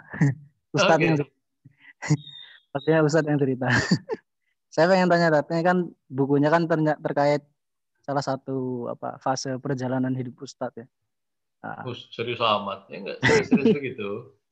Iya. Terus tadi kan Ustadz cerita kalau dulu awal pesantren tuh di NU nah, tapi sekarang Ustadz kan jadi Ustadz Muhammadiyah bahkan dikenal eh, gerakan-gerakan lain ya. Uh, saya pengen ceritanya aja dari Ustadz. Uh, gimana ceritanya tuh Nah, dari NU terus ke Muhammadiyah terus malah uh, apa namanya juga dekat dengan gerakan-gerakan lain dan uh, pelajaran apa aja yang Ustadz bisa ambil dari perjalanan itu biar bisa kami apa, resapi bersama-sama gitu kan. Gitu ya, uh, baik. Mungkin kalau dihubungkan dengan apa yang ada di buku tuh begini, mungkin sikap mental itu menjadi lebih matang gara datang ke PKU itu yang pasti ya. eh, Gontor adalah salah satu lembaga yang memang secara sengaja mencoba menyelesaikan sekat-sekat itu. Gontor itu kan eh, berdiri ulang kan tahun 1926. Nah, 1925 itu kaum muslimin terbelah menjadi dua, kubu modernis dengan kubu tradisionalis. Ketika membincangkan tentang apa namanya, eh, kalau masih ingat, komite pengembalian khilafah itu loh, dan ketika khilafah runtuh 1924, para ulama di seluruh dunia, tidak terkecuali di Indonesia, itu kan membincangkan tentang eh, ada komite khilafah itu kan ya.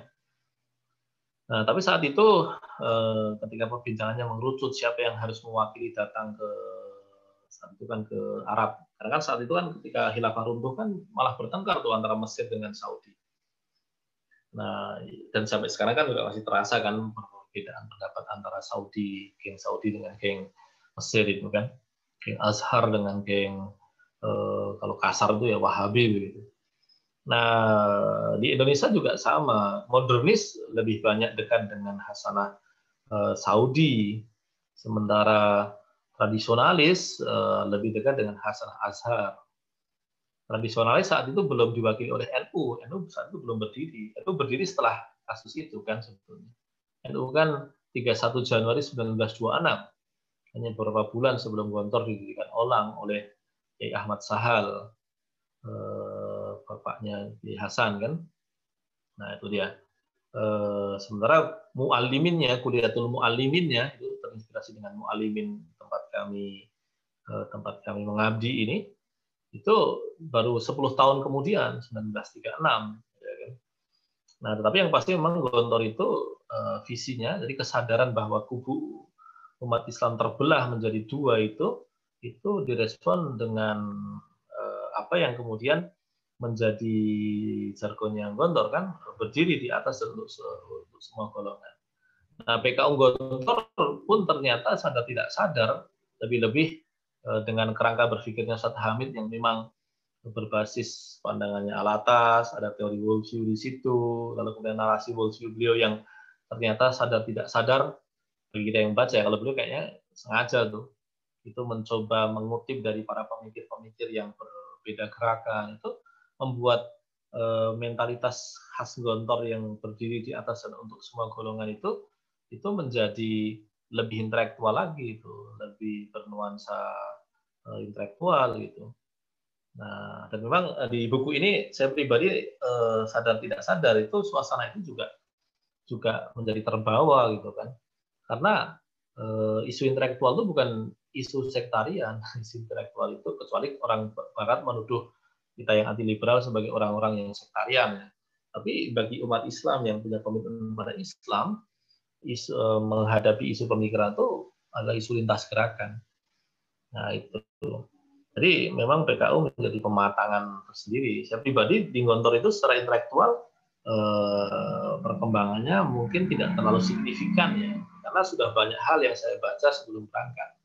Tapi perkembangan emosionalnya saya pribadi merasa sangat ya yang pasti merasa sangat berhutang lah kepada pondok itu eh, suhbah dengan para ustadz, eh, pertemanan dengan teman-teman peserta lainnya, suasana ibadahnya, suasana belajarnya itu betul-betul mematangkan itu tidak hanya secara intelektual, lebih dari itu yang dimensinya. Tentu teman-teman yang lain juga punya pengalaman-pengalaman sendiri-sendiri. Ada yang pengalamannya jauh lebih lebih signifikan, ada yang mungkin tidak signifikan itu karena mungkin yang bersangkutan sudah terlalu matang sebelum berangkat ke situ. Nah begitu. Adapun sebelum ke sana memang uh, mungkin lebih tepatnya prosesnya lebih bersifat uh, karena Allah buat saja ya Ya, kebetulan bapak saya lebih berpandangan modernis begitu eh, dengan pola keislaman dan ibadah yang minimalis khas orang modernis, sementara ibu saya orang-orang tradisionalis itu. Ibu saya memasukkan saya di pondok NU karena memang eh, dalam kultur orang NU itu biasa memondokkan anak di usia kecil itu. Umur 6 tahun, eh, nyuci baju aja belum bisa beres, sudah dipondokkan, itu kan seru aja. Kan? Nah, Kodarullah untungnya mau mati itu ditarik keluar Nah, ibu saya kemudian secara sengaja juga itu setelah saya dari Pondok NU malah disekolahkan di sekolah Muhammadiyah. Itu mau dia Sapen kalau kalian tahu. Jika nggak terus sapen keterlaluan bukan orang sapen yang kafah kan? Nah itu di situ gitu. sehingga sejak awal memang sudah mendapatkan pengalaman berinteraksi dengan muslim modernis maupun uh, muslim tradisionalis.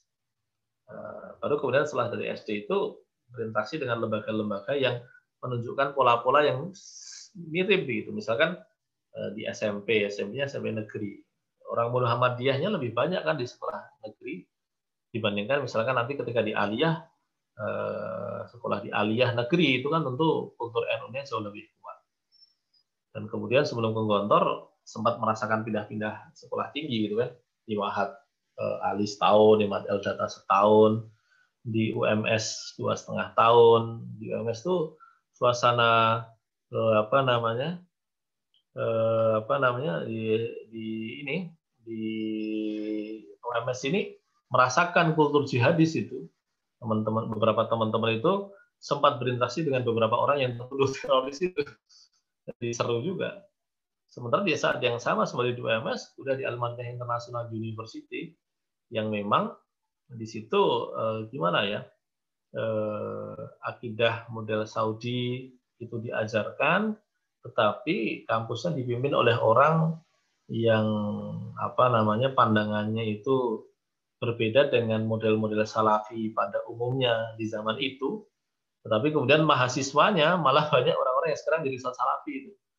Nah, jadi eh, lebih tepatnya Allah saja yang mengizinkan berinteraksi dengan pengalaman-pengalaman keislaman yang relatif berbeda-beda itu yang kemudian dimatangkan di Ngontor. Adapun secara secara keorganisasian mungkin ini bagian penutupnya ya Dika ya Muhammadiyah orang Muhammadiyah menurut saya menjadi secara paling diuntungkan untuk bersikap seperti itu sebetulnya. Karena pertama dia gerakan Islam tertua di Indonesia. Ya kan? Nah, maka sikap eh, orang tua itu lebih layak ditampilkan oleh orang Muhammadiyah dibandingkan yang datang belakangan. Meskipun pada praktiknya tidak selalu begitu ya. Yang kedua eh, ini Eh, Muhammadiyah sebagai salah satu representasi terbesar modernis itu berbeda dengan cara pandang tradisionalis.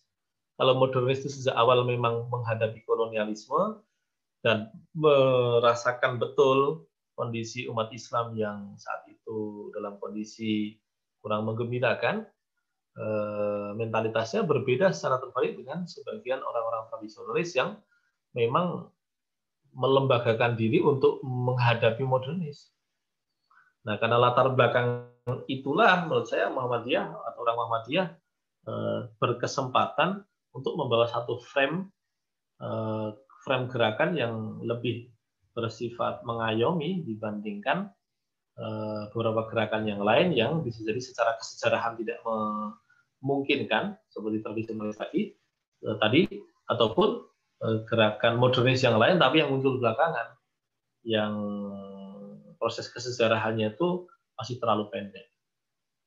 Mungkin itu ya, Dika ya, semoga bisa ditangkap ya. Jadi pertama, jadi memang latar belakangnya yang kebetulan Qadarullah bermacam-macam. Yang kedua, ada pematangan di di Gontor yang memang sejak awal secara intelektual bersikap seperti itu.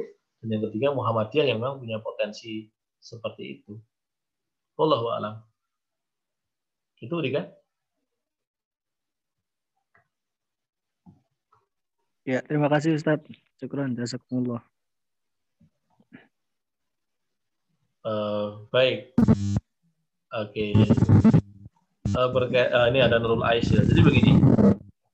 Uh, sebenarnya kalau bertanya kepada saya tentang menulis itu sebetulnya kurang pas karena eh, saya bukan orang yang secara khusus menekuni bidang menulis sebagai sebuah industri ya. Kalau pengen menulis bicara seperti itu, itu mungkin akan akan mendapatkan jawaban yang lebih memuaskan ketika bertanya kepada beberapa kawan yang memang menjadikan tulisan sebagai semi industri untuk untuk tidak mengatakan murni industri karena saya yakin kalau yang muslim pasti motifnya bukan semata industri, tapi lebih dari itu ada dakwah, ada misi di situ. Misalkan eh, Nurul bisa bertanya kepada Ustaz Yusuf Maulana yang akan menjadi materi awal Januari besok pada eh, misalkan kalau penulis yang lebih populer Mas Haidar Musafa, kadernya Pak Yusuf juga ya, eh, itu eh, mereka pasti punya punya punya tips-tips dan teknik berkaitan dengan teknik-teknik menulis. Adapun kalau saya menulis karena memang menulis dengan saya mengasumsikan bahwa dan ini seharusnya menjadi frame pada umumnya ya bahwa menulis dengan berbicara itu adalah dua hal yang sama sebetulnya. Dengan situasi kondisi gaya yang sedikit berbeda. Tapi intinya kan sama makanya kan dalam Islam eh, tulisan dan bicara itu kan cuma hukum turunan kan eh, hukum turunan saja uh, hukum tulisan itu serupa dengan hukum omongan, hukum lisan. Nah, itu dia. Sehingga kenapa menulis? Ya seperti halnya kenapa kamu bicara. Jika kamu bicara ingin menyampaikan maksud, ya menulis sama dengan menyampaikan maksud. Kalau kenapa kamu bicara karena ingin menyampaikan yang benar, ya menulis sama karena ingin menyampaikan yang benar. Kenapa kamu bicara karena saya ingin menegur sesuatu yang salah, ya sama kita menulis karena ingin menegur sesuatu yang salah. Itu itu yang pertama. Jadi berkaitan dengan tujuan itu sesuatu yang alamiah seharusnya.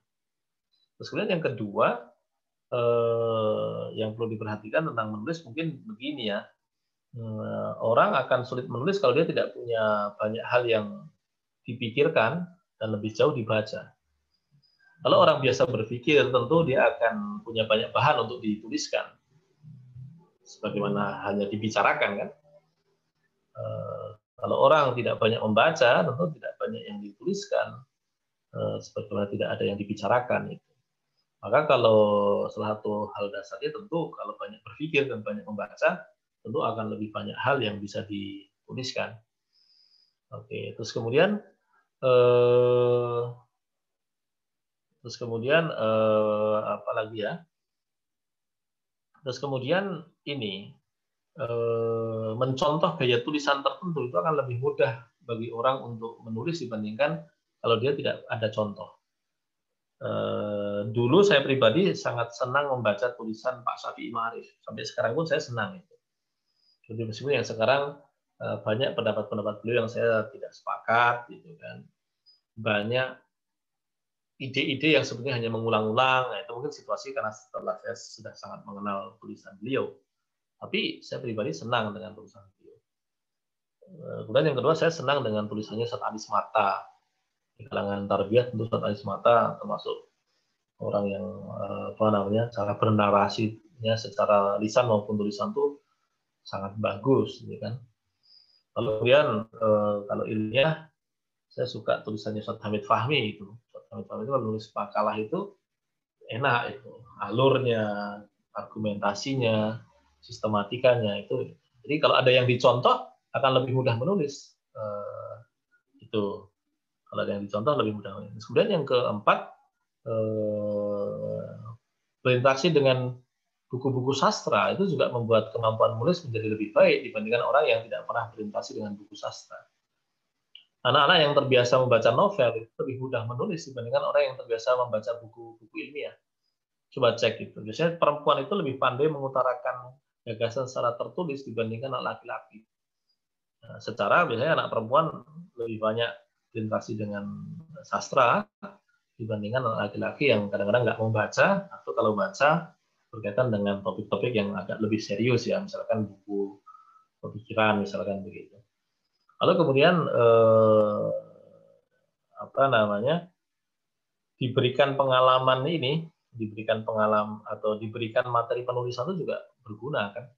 Diberikan kalau misalkan ini konteksnya mau anak pondok, berikan aja sesi sesi ini sesi apa namanya pelatihan menulis gitu. Nah, tentu yang pemberi materinya hendaknya yang biasa menulis ringan atau menulis eh, cerita karena itu akan lebih mudah diserap bagi adik-adik yang eh, masih belia-belia dibandingkan orang yang mengajar menulis ilmiah. Karena menulis ilmiah tentu karakternya kan berbeda. Lalu kemudian juga jam terbang itu jam terbang. eh, saya pribadi mengajar ilmu keguruan untuk kelas 1, 2, 3 kalian atau 4, 5, 6 alimin kan. Itu setiap semester pasti mereka menulis. Setiap semester mereka pasti menulis dan menulisnya bertahap. Karena saya mengasumsikan bahwa ketika SD mereka tidak dibiasakan menulis, maka kemudian ketika pelajaran ilmu keguruan, eh, tahapan menulisnya itu pelan-pelan. Di kelas 1 atau 4 itu dia menulis cerita eh, sebanyak satu sampai dua halaman.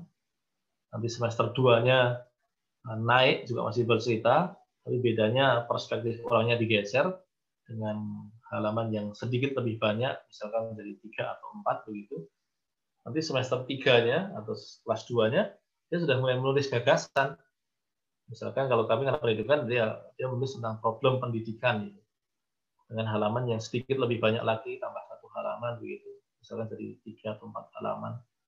Lalu semester empatnya eh, apa namanya menulis balikannya misalkan apa sih solusi pendidikan yang menurutmu cocok begitu dengan ketebalan lebih itu.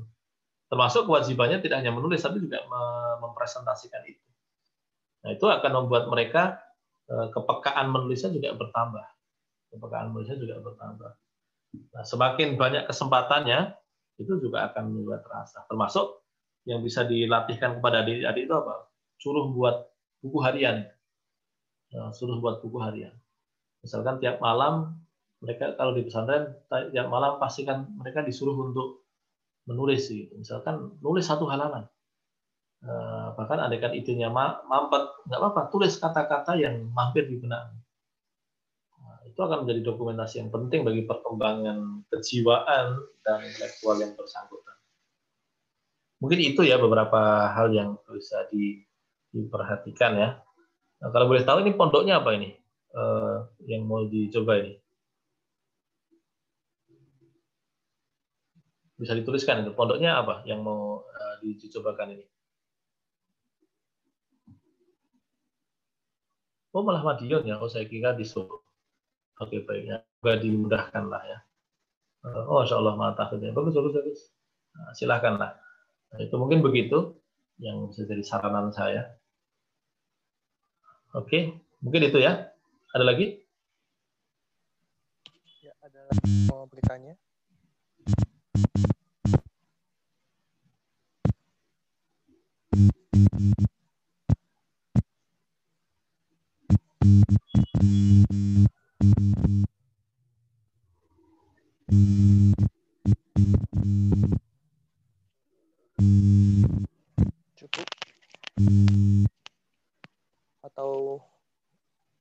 masih ada yang mengerti?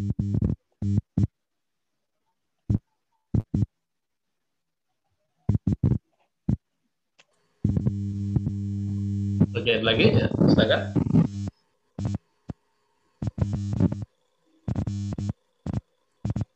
Terakhir, terakhir.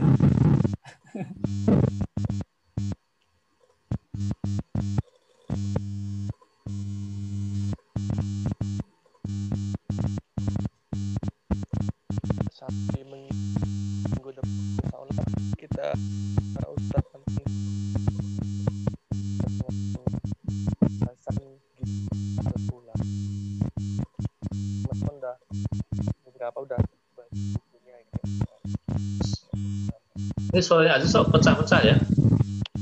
Iya, Zis. He- Headsetnya apa ya, Zis? Pas sinyal ya. Oh, sinyal. Oke. 4G kadang plus Hmm. Oke. Kalau nggak ada, aku tanya deh. Terakhiran buat penutup, eh. Ya, Gi, ya, Gi. Admin kajiannya mau tanya. Oke. Em, apa ya? Ini aja Tat. Eh, konsep apa ISP-nya Pak Kunto Wijoyo itu kan em, jika dibandingkan dengan konsep eh, Islamisasi baik punya konsepnya Prof. Alatas maupun Prof. Ismail Razi Faruqi sebenarnya em, ada perbedaannya tidak eh, atau mungkin eh, persamaannya juga barangkali mungkin eh, peserta juga ingin tahu gitu di di sini begitu. Karena mungkin di beberapa buku kayak misal uh, apa Islam sebagai ilmu apa ya salah, satunya kalau nggak salah uh, beliau menyinggung uh, bahwa beliau kan menyebutnya pengilmuan Islam ya. Ini iya, sebagai uh, teks ke konteks begitu dan menganggap ada beberapa tulisan yang menganggap kalau uh, proses Islamisasi itu malah balik ke teks begitu. Nah, saya juga kurang tahu sih uh, yang dimaksud apakah uh, konsepnya Prof Ismail Haji Faruqi atau yang seperti apa? Uh, Oke. Okay. Mungkin begitu baik, saja. Baik. Uh, tentang Islamisasi sendiri saya juga uh, baru sadar ternyata di buku itu juga tidak membincang Islamisasi sedikit pun ya. Karena memang kalau di PKU itu memang narasinya adalah memahami pemikiran Barat yang mempengaruhi cara kita bernalar dan bagaimana meresponnya ya sehingga tidak belum masuk bahasan Islamisasi. Nah, ketika kita bicara Islamisasi memang begini. Pertama, jangan overestimate maupun underestimate dahulu terhadap keberbagian eh, perspektif tersebut. Saya harus tekankan. Saya beberapa saat ini juga agak geli dengan teman yang dulunya eh, kayaknya mendukung wacana Islamisasi, tapi belakangan malah nyinyir. Eh, dan kalau usut punya usut tampaknya dia nggak paham tapi ya saya hormati lah ya eh, dan bagi misalkan kalau misalkan saya pribadi memahami bahwa kerangkanya Profesor Latas adalah kerangka yang yang paling penting dan paling fundamental di antara berbagai wacana tersebut. Kalau kita mau dudukkan setara ya antara Faruqi dengan Pak Kunto juga, termasuk Hussein Nasr misalkan. Eh, tetapi saya juga tidak sedikit pun meremehkan Pak Kunto. Saya pribadi eh, mengumpulkan karya-karya beliau, menikmati karya-karya beliau. Hanya memang saya perlu sampaikan satu sejarah bahwa eh, Profesor Faruqi beliau melakukan sedikit kesalahan yang dampaknya sampai sekarang sulit untuk diobati. Nih, Profesor Faruqi ini kan sebenarnya sangat dihormati di kalangan orientalis. Bahkan beliau kan sebagian mengatakan itu orang ikhwan muslimin ya sebetulnya kan. E, hanya ke, kemudian beliau di dalam proyeknya itu banyak ditopang oleh para muslimin dari Saudi sehingga beliau juga e, penting di dalam apa namanya menerjemahkan karya-karyanya e, Muhammad bin Abdul Wahab dalam bahasa Inggris. Hanya kepakaran beliau itu sebenarnya bukan di wacana filsafat, kemampuan berbahasa beliau dikenal sangat baik. Beliau kalau bicara sangat mengagumkan, sikapnya pada para mahasiswa dan anak muda sangat luar biasa lah. Apalagi dia dan istrinya kan memang panggilannya kan babah dan amah apa ya, itu bagi yang dipanggil bapak ibu itu sama mahasiswa-mahasiswanya. Dan mereka biasa menyiapkan makanan untuk para kader-kadernya sampai jam satu malam ngobrol. Istrinya kan juga mualaf kan, si Lamia itu, Lamia Faruqi itu saya pribadi nama anak saya perempuan juga menggunakan namanya Faruqi tersebut, Lamia itu. Uh, tapi akar Profesor Faruqi itu di perbandingan agama, para orientalis mengakui itu. Nah, sahabat beliau di kalangan para sesepuh triple IT hari ini, pada hari itu agak kaget ketika Profesor Faruqi tiba-tiba mengubah wacananya dari wacana perbandingan agama dan isu Palestina ya. Makanya kan Yahudi kunci sekali sama beliau itu menjadi isu Islamisasi. Nah, usut punya usut, Profesor Alatas kemudian bercerita belakangan bahwa Profesor Faruqi ketika acara tahun 77 itu kan mengundang Profesor Alatas. Alatas jelaskan tentang konsep pendidikan, konsepnya cukup filosofis, lalu kemudian eh, setahun kemudian Profesor Faruqi minta diberikan satu monograf, dibuatkan satu monograf. Profesor Alatas mengirim sebuah monograf yang kemudian menjadi pijakan Islam dan sekularisme itu. Nah, Eh, di situ Profesor Latas menyinggung tentang dewesternisasi. Eh, secara konsep canggih, tapi oleh Profesor Faruqi dikasih nama Islamisasi dan kemudian dipublikasi sendirian. Nah, publikasi sendirian ini yang kemudian punya konsep yang berbeda dengan konsepnya Profesor Alatas. Konsepnya Profesor Alatas itu bermula dari persoalan yang sangat fundamental namanya metafisika. Profesor Faruqi yang akidahnya lebih cenderung kepada akidah salafiyah Eh, tidak punya kedekatan dengan wacana metafisika. Sehingga ketika membangun narasi Islamisasi tidak sedikit pun membancang persoalan metafisika. Padahal metafisika itu adalah hal yang pertama kali dihancurkan oleh para filosof barat dari Descartes, meskipun Descartes belum secara langsung, kemudian kaum empirisis Inggris, hingga puncaknya kemudian kan oleh Kant. Kant ini mencoba mensintesiskan antara rasionalisme dan empirisisme, tapi lebih parah lagi, ya sikat yang namanya metafisika. Maka prolegomenanya Alatas itu menekankan tentang kebutuhan metafisika, sementara prolegomenanya kan tahun 1800 dulu atau akhir 1700-an atau awal 1800-an itu itu menolak metafisika dalam pengetahuan. Akhirnya apa? Sekularisme itu adalah narasi anti metafisika. Nah, ini tidak dibawa oleh Profesor Faruqi.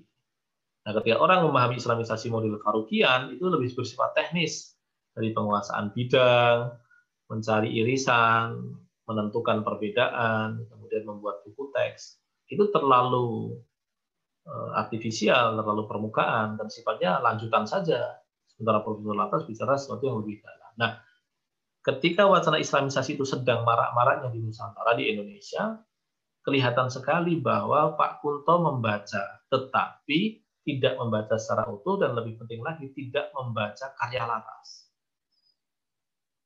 di, di buku Islam apa pengilmuan Islam itu atau Islam sebagai ilmu itu Profesor Par, eh, eh, Pak Kunto beliau menyebut nama Alatas tapi tidak ada satupun narasi Alatas yang beliau singgung di dalam kritik beliau. Nah, tapi kalau kemudian kita mencoba membaca lebih lanjut, ternyata ada satu irisan yang yang mempertemukan antara idenya eh, Pak Kunto dengan Alatas. Kalau Alatas menyebutnya worldview, Pak Kunto menyebutnya sebagai paradigma.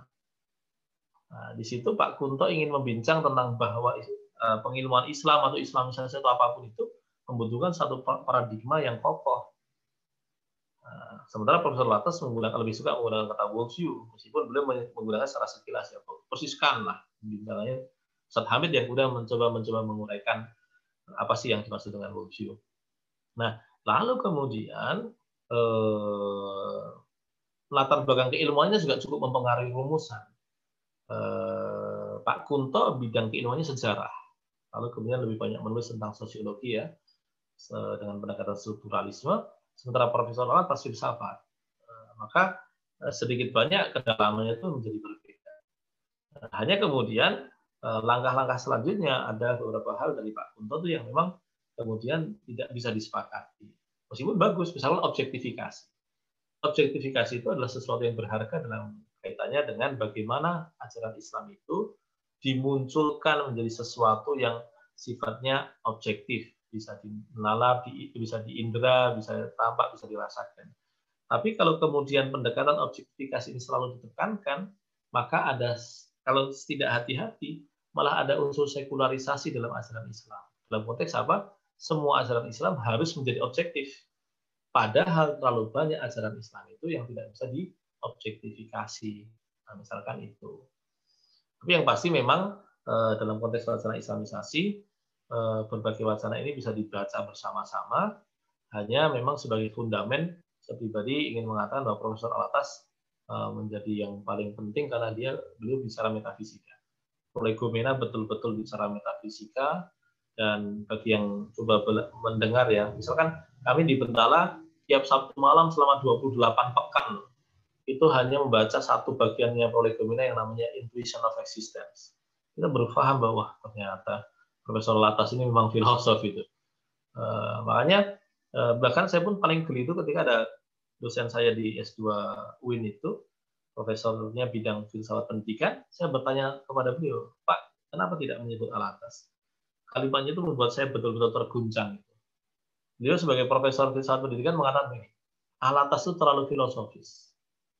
Ini kan kalimat yang menunjukkan ketidakmampuan orang untuk memahami filsafat. Kalau ada orang dinisbat, di mendapatkan gelar formal profesor filsafat pendidikan mengatakan sebuah filsafat sebagai terlalu filosofis, itu kan kemungkinannya adalah tidak paham atau memang kemudian tidak mampu untuk mencapai taraf eh, filosofikasi yang dalam kan sebetulnya. Nah, itu dia. Makanya memang Profesor Lantas filosof.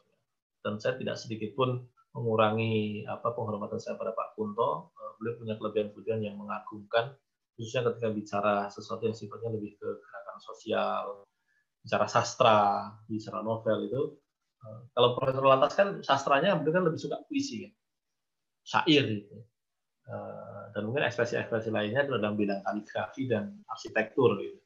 Dan kalau Pak Kundo kan menulis novel dengan sangat baik dan banyak apa yang disebut profetik itu bisa dirasakan lah ya dalam novel-novel beliau.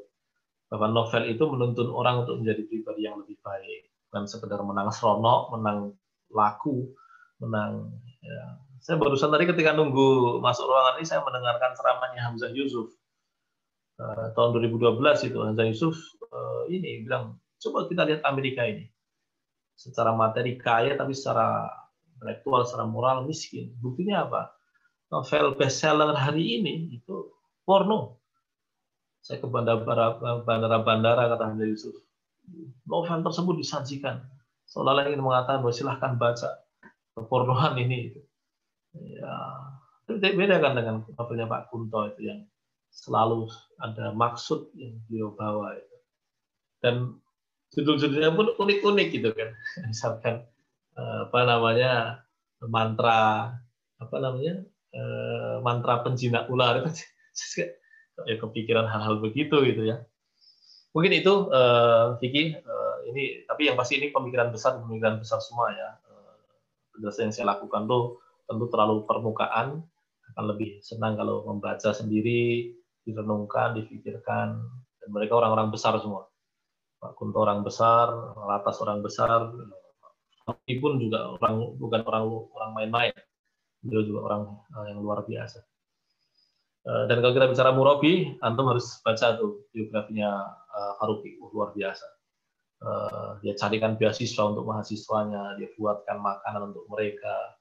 Uh, Faruqi dan istrinya tuh menemani mahasiswa anak, -anak muda itu anak, anak S2 di Amerika itu berbincang sampai jam satu pagi jam 2 pagi. Wah betul-betul murabi. Luar biasa. Dan kematiannya kan juga setelah menemani berbincang kan. Lebih bunuh uh, jelang sahur itu. Uh, semoga syahid lah. Wallahu Siapa? Turnuhun. Monggo, Aziz kembali ke.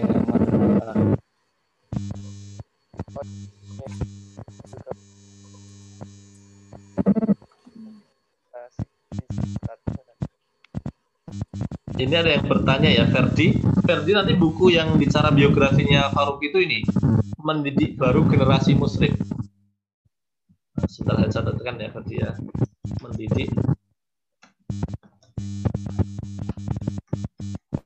Nah, ini silahkan, ini buku ini menjelaskan tentang karakternya Faruqi. Ini yang nulis muridnya langsung. Muridnya langsung orang Malaysia ketika sedang S3 di Amerika sana. Oke, itu ya. Eh, saya kembalikan ke Aziz ya. Silakan Aziz.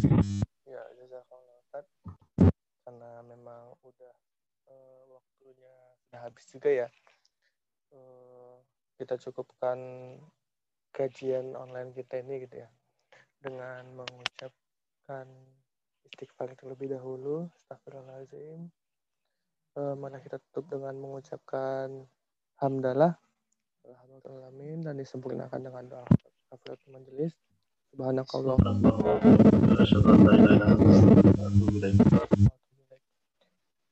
demikian saya uh, sedikit pengumuman kalau minggu depan uh, bersama Ustadz Anton kembali gitu ya dengan uh, topik yang berbeda.